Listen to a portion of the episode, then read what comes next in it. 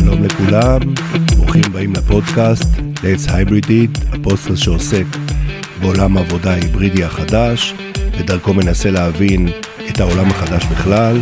אני תמיר ליאון, אנתרופולוג יישומי, חוקר אה, את התרבות הצעירה, ילדים, נוער, צעירים, אה, בשיטות אנתרופולוגיות של תצפיות, אה, רעיונות וכולי. עושה את זה כבר אה, מהמאה שעברה, והיום אני רוצה לדבר ישירות על הליבה אה, של העבודה שלי. אני רוצה לדבר על הדור הצעיר של עכשיו בשוק העבודה, על דור ה-Z, הזומרים, הזומרים.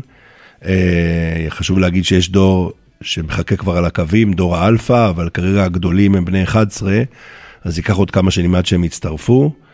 ואני רוצה לנסות לתת פה בפגישה שלנו כמה כלים או כמה הבנות לגבי הדור הזה בעולם העבודה, אה, שהולך אה, ונכנס. חשוב להגיד שכל יום שאנחנו מדברים, אה, עשרת אלפים איש מה baby boomers והבומרים עוזבים באמריקה את, או יוצאים לפנסיה למעשה, ודור הזה נכנסים במקומם, בתקופה מרתקת של שינוי ברמה האנושית. ואני רוצה לתת כמה כלים להבין את הדור הזה, איך לנהל אותם, איך לעבוד איתם. אולי אני אגיד ברמה האישית ש... כשאני התחלתי להתגייס לארגונים, או לארגונים, לעבוד עם ארגונים לפני 20 שנה בערך, זה היה כשדור ה-Y התחיל להיכנס לארגונים, שהיום הוא כבר יותר מ-50 אחוז, והאנשים בארגון, המנהלים, הבינו שהגיע סוג חדש, הגיעה תוכנה חדשה, אולי גם חומרה חדשה קצת, ויש איזה אנתרופולוג איפשהו שגילו שחוקר אותם, אולי נדבר איתו. ואז התחלתי להיכנס ולבנות צוותים בין דוריים ולנסות להבין את ההבדלים. אז בואו נעשה לעשות את זה עכשיו עם דור ה-Z. כמה אמירות שצריך לדעת. אחד, ואני אגש ישר לעניין, הדור הזה שונה. הוא שונה מהדור לפניו. זה חשוב להבין כי למי שיותר מבוגר נראה שהמילניאנס, דור ה-Y, הם בעצם מאוד דומים לדור ה-Z, הם uh, טכנולוגיים, הם גם אולי לא כל כך נאמנים למקום העבודה שלהם, הפנאי חשוב להם לא פחות מהעבודה הזאת, הם מסתכלים אחרת על uh, סוגיות מרכזיות כמו מה זה עבודה, מה זה פנאי, מה זה משפחה וכולי. אבל האמת היא שדור ה-Z שונה מדור ה-Y לא פחות. שדור ה-Y שונה מדור ה-X שלפניו. יכול להיות שאנחנו כבר רגילים לזה שהדורות, שה, שהיה שינוי, אז לא שמים לב לזה עד הרמה הזאתי, אבל זה דור מאוד שונה, שרוצה דברים שונים מדור ה-Y, ותכף נדבר על זה, מתנהג אחרת, מתקשר אחרת, למרות שהם לכאורה גם בטכנולוגיה, אין ספק שהם לקחו דברים מאחיהם הגדולים, מדור ה-Y, אבל הם לגמרי בסגנון שלהם. וזה נובע מהרבה מאוד דברים, גם מזה שהעולם עצמו השתנה, הטכנולוגיה השתנתה, המצב של שוק העבודה השתנה וכולי. אם uh, זה נראה לכם שזה לא אותו דבר, uh, תנסו לשאול uh, מישהו מדור ה-Y על האח הקטן שלו מדור ה-Z, ואז תשמעו דברים כמו, uh, הרבה פעמים כמו, וואלה, אני מבין את ההורים שלי, אני לפעמים לא כל כך מבין אותו. זאת אומרת שצריך מחדש לעשות מבחינתנו התאמה בין uh, הדור הזה לבין הארגון. וזה uh, מאוד חשוב, כי אני מלווה גיוסים של עובדים, ואתה רואה שלפעמים נותנים לעובדים סימולציות, ומה היית עושה אם, וה... ומחפשים את הפתרונות שהחבר'ה היותר מבוגרים היו נותנים, בכל הרמות, ברמות תקשורתיות, ברמות יצירתיות uh, וכולי. ולדור הזה יש פתרונות אחרים, לפעמים, שהם לאו דווקא פחות טובים, אבל הם שונים, וצריך להיזהר לא, לא לחפש את מה שאנחנו מכירים. עכשיו אני הולך לסתור את עצמי, אה, המציאות היא מורכבת, ולהגיד שני דברים שישמעו מאוד שונים. אחד, ה-DNA של הדור הזה, המרכזי, אחד המרכזיים, הוא שינוי. השינוי כערך. בואו ננסה להסביר מה זה אומר. ניקח את העובד, מה שנקרא המודרני. העובד המודרני של פעם, בוא נסתכל עליו כחבר אגד, שאנחנו רואים אותו היום בהרבה מאוד חברות, החבר'ה הטיפה יותר מבוגרים וכולי, לפעמים גם צעירים שחושבים ככה. זה דור שאמר, בוא אני אשאר בעבודה, אני ארכוש ותק, אני אעלה במשכורת, אה, אני ארוויח יציבות, ירוויח ביטחון תעסוקתי, אה, ויישאר. דור ה-Z רוצה לשנות בשביל לשנות. הם רוצים להתנסות כמה שיותר. זה מאוד מאוד מאתגר מה שאני אומר, כי לכאורה, מה הארגון יכול להבין מה שאני אומר עכשיו? שלא משנה מה אתה עושה בארגון, הבן אדם יעזוב. אז זה נכון, אבל אפשר לגרום לזה שהוא יעזוב הרבה יותר לאט, אוקיי? אף אחד לא בא היום למקומות עבודה אה, ל-20 שנה וגם לא ל-10 שנים. זה דברים, יהיו, יהיו אנשים כאלה, אבל הרבה פחות. כמו שאנחנו יודעים עכשיו, בשנתיים שלוש האחרונות, גם הדורות היותר ותיקים התחילו ליישר קו אה, עם דור ה-Z, וגם הם באים לכמה שנים ספורות, לפחות בהצהרה. והיה פה שינוי באמת תרבותי של כמה זמן עם מקום עבודה. דרך אגב, אחת הסיבות הן שהדורות הקודמים, חשוב להגיד, זה גם דורות uh, של מהגרים, הם uh, מגיעים, הם רק רוצים יציבות, הם בונים את הראש גשר uh, לילדים, לנכדים אחריהם. מי שיודע, אנחנו בודקים uh, בתורת ההגירה, או אנחנו בודקים השתלבות של מהגרים רק בדור השלישי. רק אז אנחנו מבינים כמה הדורות האלה באמת השתלבו בשוק העבודה, uh, ולכן החבר'ה החדשים רוצים להתנסות, הם כבר לא מחפשים את היציבות וכולי. וזה ערך. זאת אומרת, לכאורה, מבחינתנו, הם פחות יציבים. לעומת זאת, עכשיו אני הולך לסתור את עצמי, דור ה-Z הם יותר נאמנים מדור ה-Y שלפניהם. אם נדבר במספרים, אם uh, לפני הקורונה, דיברו על דור ה-Y כאנשים שעוברים, תסתכל נגיד, נגיד בחברות טכנולוגיה, אוקיי? שמשהו כמו שלוש שנים, וזה בחברות היותר גדולות. בתאגידים הוותיקים, בחובות הצעירות גם דיברו על שנה ואפילו על ירד משנה, אז היום אנחנו מדברים כבר על לפעמים שנה זה הרבה. שזה מאוד מאוד מאתגר, כי uh, בחצי שנה הראשונה פחות או יותר אתה רק לומד, קצת מתסכל. אבל אני חושב שאפשר לאתר את החבר'ה הנאמנים מדור ה-Z, והם קיימים ואני רוצה להסביר למה. למה דור ה-Y יכל לקפוץ בין עבודות? עכשיו פה צריך לדעת משהו על דורות. בדרך כלל, דור מגדל שניים אחריו. אוקיי, הילד שלך הוא לא קטן ממך בחמש שנים, לכן מי שגידל את דור ה-Y הם ה boomers. ה boomers עבדו באותה עבודה כל החיים, חסכו, הוציאו מעט מאוד על עצמם, לא תיקנו דברים, לפעמים אני בא לאנשים, אומר, ראיתם פעם איך מתקנים גרביים, או איך עושים דברים כאלה שאני זוכר, הכל החליפו, זה פשוט אה, חסכו, ישבו בבתי קפה רק ביום הולדת, עגול לפעמים, לא הוציאו על עצמם. בגלל זה לדור היה, וואי, היה גב לעבור במקומות עבודה, היה גב כלכלי. ודרך אגב ראינו את זה אפילו בקורונה, שאנשים אה, אה, משכנו את הפנסיות שלהם בשביל לעזור לילדים. לעומת זאת, דור ה-Z, ההורים שלו זה כבר דור ה-X, זה דור שעבד מאוד מאוד קשה, אבל גם הוציא הרבה מאוד על עצמו. התחיל לנסוע לחו"ל, התחיל להשקיע בפנאי שלו, התחיל לשבת במסעדות וחסך פחות. ולכן בהרבה מקרים לדור ה-Z אין גב כלכלי לעשות את המעברים האלה. בעצם יש פה אה, סתירה. מצד אחד, השינוי שלהם הוא ערך, הם רוצים לשנות, מצד שני, הם יותר נאמנים כי אין להם את הפריבילגיה לעבור ממקום למקום בגלל הגב הכלכלי שלהם. מתי אנחנו נראה את זה? נראה את זה שטיפה יירגע שוק הביקושים לעובדים ותהיה טיפה עצירה או בענפים מסוימים. ברגע שיהיה טיפה יותר קשה למצוא עבודה, אז אנחנו נראה את החבר'ה של דור ה-Z נשארים בעבודה שלהם ולא עוברים כמו דור ה-Y. אה, כי קודם כל זה, יש פה את ההיבט הכלכלי. נכון שהתרבות היא תרבות של שינוי, ובגלל זה אני הייתי אומר שכדאי להסתכל ולחפש בין דור ה-Z את החבר'ה שאפשר להתחבר אליהם ושהם ייתנו לך הרבה יותר זמן בארגון, נדבר על כמה וכמה שנים. הדברים האלה קיימים ביחד. מצד אחד הם רוצים לשנות, מצד שני אין להם לפעמים את הכוחות הכלכליים לעשות את השינוי. מתי נראה את זה? כשיהיה טיפה קשה. עוד דבר שקשור אליהם וצריכים לדעת, צריכים למצוא את החבר'ה האלה בתוכם שרוצים להישאר. הדבר הבא, פה אני רוצה להדגיש, הערך חשוב לדור הזה, מהמרכזיים, יחד עם השינוי, הוא אותנטיות. מה זה אומר אותנטיות? תהיה אמיתי. לדור הזה יש מה שקוראים בולשיט דיטקטור, גלאי אה, חרטוט, לא יודע איך להגיד את זה. אנחנו רואים את זה בהרבה מאוד מקומות. תגיד להם את האמת, או אל תדבר בכלל. ברגע שאתה מתחיל כמנהל או כמי שעובד איתם טיפה לזייף, הם מוחקים אותך. הם מוחקים אותך והם לא סולחים. חשוב להגיד או לזכור שהדור הזה גדל בתוך סביבה שהוא מבין שכולם עובדים עליו, כולם מדברים על זה.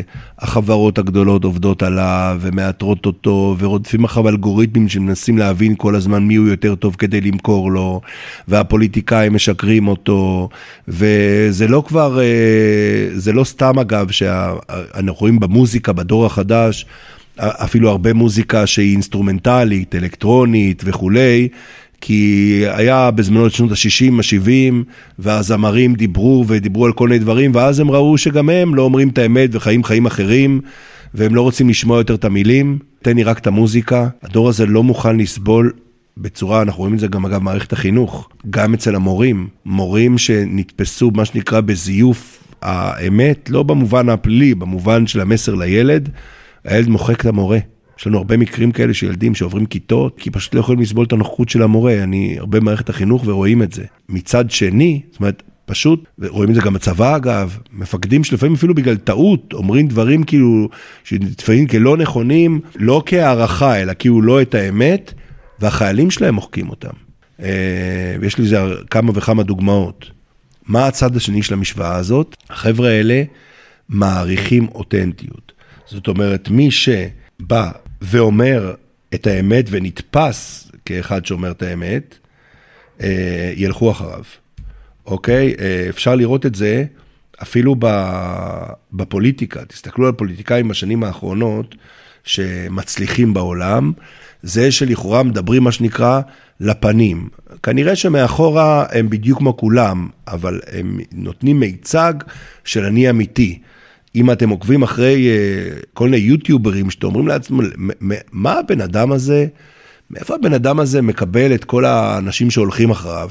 אין לו שום איזשהו כישרון, הוא יושב בחדר שלו, הוא uh, uh, משחק קצת משחקים, הוא מלהג, למה הולכים אחריו כל כך הרבה אנשים? והתשובה היא, כי הוא אמיתי. הוא מסוגל לתת מיצג, מי ששומע בצד השני מבין שהוא כנה.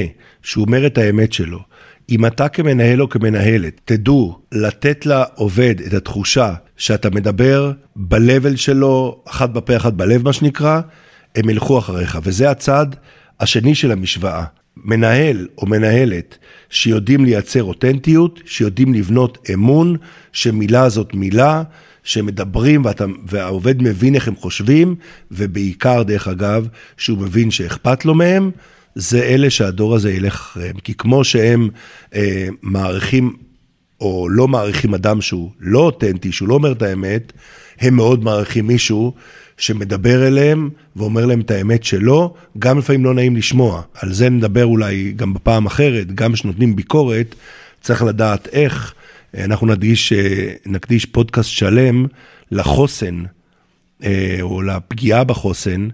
אה, של דור ה-Z ועד כמה הם יכולים אה, לסבול קשיים, שהוא נושא מאוד משמעותי, כמה הם עוזבים אה, עבודות כי קצת קשה, מה התכונות של המנהל שעובד עם מישהו שהחוסן שלו נמוך יותר, ועל זה נדבר בפעם אחרת. הדבר האחרון שאני רוצה להגיד על הדור, הוא שהם כמהים לאינטראקציות. הם רוצים להתחבר, אבל מצד שני, הם מתקשים לפעמים לייצר אותם. אתן פה דוגמה למחקר, בשנים 2016-2017, ככה לפני הקורונה, נעשה מחקר מאוד גדול על חיילי עבודה משותפים. אלפי שוכרים בעולם, צעירים, התבקשו לדרג את עשר הסיבות שבגללם הם שוכרים מקום בחייל עבודה משותף. אה, כי חלקם הרי יכול לעבוד מהבית, חלקם יכול לעבוד מבית קפה, למה הם שוכרים? מתוך עשרת הסיבות, ארבעת הראשונות היו קשורות לאינטראקציות. Uh, הראשון היה אינטראקציה עם אחרים, השני היה קהילה, השלישי היה uh, אווירה חברתית מהנה, והרביעי היה אנשים uh, כמוני, like-minded uh, people. רק אחרי זה הם התחילו לחפש דברים שקשורים לתחבורה, לשירותי משרד, ורק במקום השמיני או התשיעי היה value for money, מה שלדור היותר מבוגר זה היה אולי אחד מהדברים הראשונים. אה, דרך אגב, מי שזוכר, WeWork דיברו בהתחלה ממש בצורה ברורה על זה שהם לא מוכרים משרד, הם מוכרים קהילה, וזה מה שתפס את הדור הצעיר. מה שמעניין זה שקשה לחבר'ה לייצר את הקהילה, ופה אני אגיד, או, או לייצר את האינטראקציות. פה אני אספר על מחקר שגם נעשה בחיילי עבודה משותפים, מאוד מעניין, מי שמכיר קצת עבודה של אדריכלים, היום אתה יכול לשים uh, GPSים קטנים, למשל לתג עובד, ויש תוכנה שאתה יכול, uh, כל עוד העובד נמצא בתוך חלל של הארגון, אתה יודע איפה הוא נמצא, ואחרי זה מנתחים את זה, אפשר בסוף להגיד אפילו, לא יודע, איזה תאי שירותים היו מועדפים על תאים אחרים. אז הפרויקט שנערך כשנה, אמר בוא, נ, בוא ניתן להם, נגדיל את האינטראקציות. איך נעשה את זה? ניתן להם ללכת יותר, להסתובב יותר בתוך האולם. איך עושים את זה? מפרידים, אם היה למשל, אה, קחו, תחשבו על אולם גדול, יש לו ארבע פינות, אז בצד אחד שמו נגיד את היציאה, בצד שני את הקפיטריה, אה, בצד שלישי את ה... מדפסות והמייקרים וכולי, וצד רביעי את השירותים. ושמו את ה-GPSים, במשך שנה ראו באמת שהעובדים הלכו הרבה יותר, אין מה לעשות, בשביל ללכת לשירותים, אז הם צריכו ללכת יותר. אבל, איך אומרים, הניתוח הצליח חולה מת, האינטראקציות לא עלו. הם לא עלו כי מסתבר שהדור הצעיר, ושוב, אני תמיד מדבר בהכללה, הוא עובר לידך, אבל הוא לא מדבר איתך. והאינטראקציות לא עלו. אני זוכר שאני אה, עשיתי מחקר בתוך חיילים כאלה, ותפסתי איזה מקום ככה, ב, שישבתי שם, זה היה אחד המקומות בתל אביב, שישבו שני חבר'ה שהיה להם איזושהי חברה, והם ישבו בחלל פתוח. לידם במרחק קו אווירי של, לא יודע, מטר וחצי, ישב מה שנקרא משרד של יחיד, בחור שעבד שם, שנה עבדו אחד ליד השני. אה, בשלב מסוים, השני חבר'ה חיפשו אה, לחברה שלהם מעצב אתרים. הוא, הבחור משרד של היחיד, היה מעצב אתרים טוב וזול. הוא היה מטר לידם, והם אה, לא הגיעו אליו. הם uh, לקחו בסוף מישהו אחר, הם לא שאלו אותו אפילו, כי הם לא ידעו. זאת אומרת, זה, למי שיותר מבוגר ששומע אותי עכשיו, זה נשמע אולי מופרך, יושב לידך מישהו מטר וחצי, משך שנה, והם לא יודעים מה הוא עושה. אפילו לא שאלו אותו, והיה להם הרבה מאוד שעות משותפות. הם, אה, הם רוצים, היום אנחנו מבינים, זה מאוד אולי ייראה מוזר מה שאני אומר, הם רוצים שאנשים יסתובבו מסביבם, תחושה של הביחד, אבל אה, לא כל כך יודעים איך לייצר אותה. ובגלל זה האנשים הכי חשובים בעולם החדש, הם אלה שיודעים לחבר אנשים. אנחנו רואים, שוב אני חוזר לזה, שהלכידות בארגון זה הדבר שאליו נמשכים. אנשים מחפשים קהילה. ברמה העמוקה, האדם אה, משמעות מקבל דרך שייכות. בכל הדתות אה, שאנחנו מכירים, האדם הראשון אף פעם, נגיד, לא היה בן הדת הזאת, נגיד האדם הראשון לא היה יהודי למשל, אוקיי? אה, היהודי הראשון היה אברהם אבינו. אתה יכול, רק ברגע שיש הרבה אנשים, יכולה להיות בכלל דת או מה שיוצר משמעות, שאתה בא לבית כנסת או למסגד, או לכנסייה, אתה בא למועדון. כוח של דת הוא לא באידיאולוגיה שהיא נותנת, אלא בזה שהיא מקבצת את האנשים ביחד. אנחנו יצורים חברתיים, אנחנו הכלבים, הנמלים, אם אתם מסתכלים על uh, כמה, על שבטים של ציידים לקטים המעטים שעדיין חיים בתוכנו, נגיד באמזונס, למשל, אתה רואה שהם חיים בצורה כזאת שלמעשה אין יחיד. כולם נמצאים באותו מתחם ואתה רואה בעיניים כל מה שכל אחד אחר עושה, זה אנחנו מול הג'ונגל שמסביבנו. אין פרטיות כי אין למעשה אדם אחד, יש רק קבוצה. הבסיס של המין האנושי הוא בקלן, הוא בחמולה שהולכת ביחד. הולכת ביחד, היא מול כל העולם, ואצלה יש שוויון מוחלט, שזה מאוד מעניין מה שקורה היום עם דור ה-Z, שיש לכאורה שוויון בין האנשים, לכאורה, כן? בגלל זה מאוד חשוב להם הסיפור של שונות, כל הסיפור של הדייברסיטי, שהעובדים הצעירים רוצים לראות מסביבם עובדים מסוגים שונים, וכולם שווים, זה מה שקורה בעצם בשבט. בשבט, אם אני הצייד הכי טוב, ופה החבר שלי ידי הוא התופר הכי טוב, אז הוא יתפור ואני אצוד, אבל אנחנו שווים אותו דבר. יש פה בעצם חזרה אה, לאותה מערכת ערכים שהיא מאוד מאוד חשובה לחבר'ה הצעירים, רוצים לראות מסביבם, בגלל שלא לשכוח שהם גדלו בעולם שבו פחות שיחקו ביחד, בגלל כל נסיבות, יותר במסך. המסך, ההפרדה שהוא יצר, היא בעצם פירקה את הקבוצה, אבל היא בעצם פירקה את המשמעות. כשאנחנו רואים שהם הולכים לקהילה, הם בעצם מחפשים משמעות דרך השייכות. ומי שידע לתת את המשמעות הזאת, זה הארגון שבו הם יישארו. איך עושים את זה? זאת עבודה על הלכידות. זה לא בא דווקא מהאידיאולוגיה של הארגון, יכול גם משמה, או ממה שהוא עושה, זה מערכת שלמה של דברים שיוצרים לכידות. ומי שידע את הסוד הזה, ודרך אגב, הרבה פעמים מקומות של אה, חיילי עבודה משותפים רצו ליצור את זה, אבל לא ידעו איך. זה שאני עושה בבוקר, אה, שולל, נותן לכולם איזה הפתעה, שיש בירה והכל, דרך אגב, אלכוהול זה דבר שכן מייצר לכידות, אבל מקשה מאוד על העבודה. אוקיי? כולם רצו לעשות את זה, אבל מעט אנשים יודעים איך. בארגונים יותר ויותר יהיו אנשים שזה מה שהם עושים, הם אולי עובדים פחות טובים, לפעמים, לאו דווקא, אבל הם מקבצים הרבה אנשים ביחד. אני בזמנו עשיתי מחקר על בתים, אה, בעיקר של צעירים אה, בכל הארץ, אה, שבהם לא ידענו איך לקרוא להם. קראנו לפעמים הבתים שיש בהם הרבה כוסות, זה מין, נגיד שלי יש בית כזה, ואתה אה, עם חבר שלך, אתה אומר חבר שלך, מה עושים? אתה אומר בוא נלך לתמיר. מי זה תמיר? אה, חבר שלי. אחרי כמה פעמים אתה החבר כבר יבוא אליי בעצמו, כי אני בן אדם שעושה מסביבו אנשים. הטיפוסים האלה הם הטיפוסים הכי חשובים לארגון. מי שידע למצוא אותם, ידע להשאיר את העובדים אצלו. ובמיוחד את העובדים הצעירים, שמחפשים את ההתחברות ומחפשים את האינטראקציות. ובקיצור, העובדים הצעירים שונים מאוד מאלה שלפניהם. מצד אחד השינוי אצלם הוא ערך, מצד שני הם יהיו גם יותר נאמנים ברגע שיהיה קצת קשה כי יהיה להם פחות גב, הם דורשים אותנטיות מוחלטת, ומי שידע לתת להם את זה, הם יישארו איתו, ומי שלא, הם יעזבו אותו, ויהיה מאוד קשה לקבל אחרי זה ריספקט, וזה עובדים שמחפשים אינטראקציות ושייכות, כי במקום העבודה שלהם, כמו בכל מקום אחר, ומי שידע לחבר אותם, ישאיר את העובדים, וישאיר את העובדים הטובים אצלו. וזה תמצית הסוד של עבודה עם דור ה-Z. שיהיה לכולכם בהצלחה עם הדור החדש, את ההצלחה שלנו לגמרי.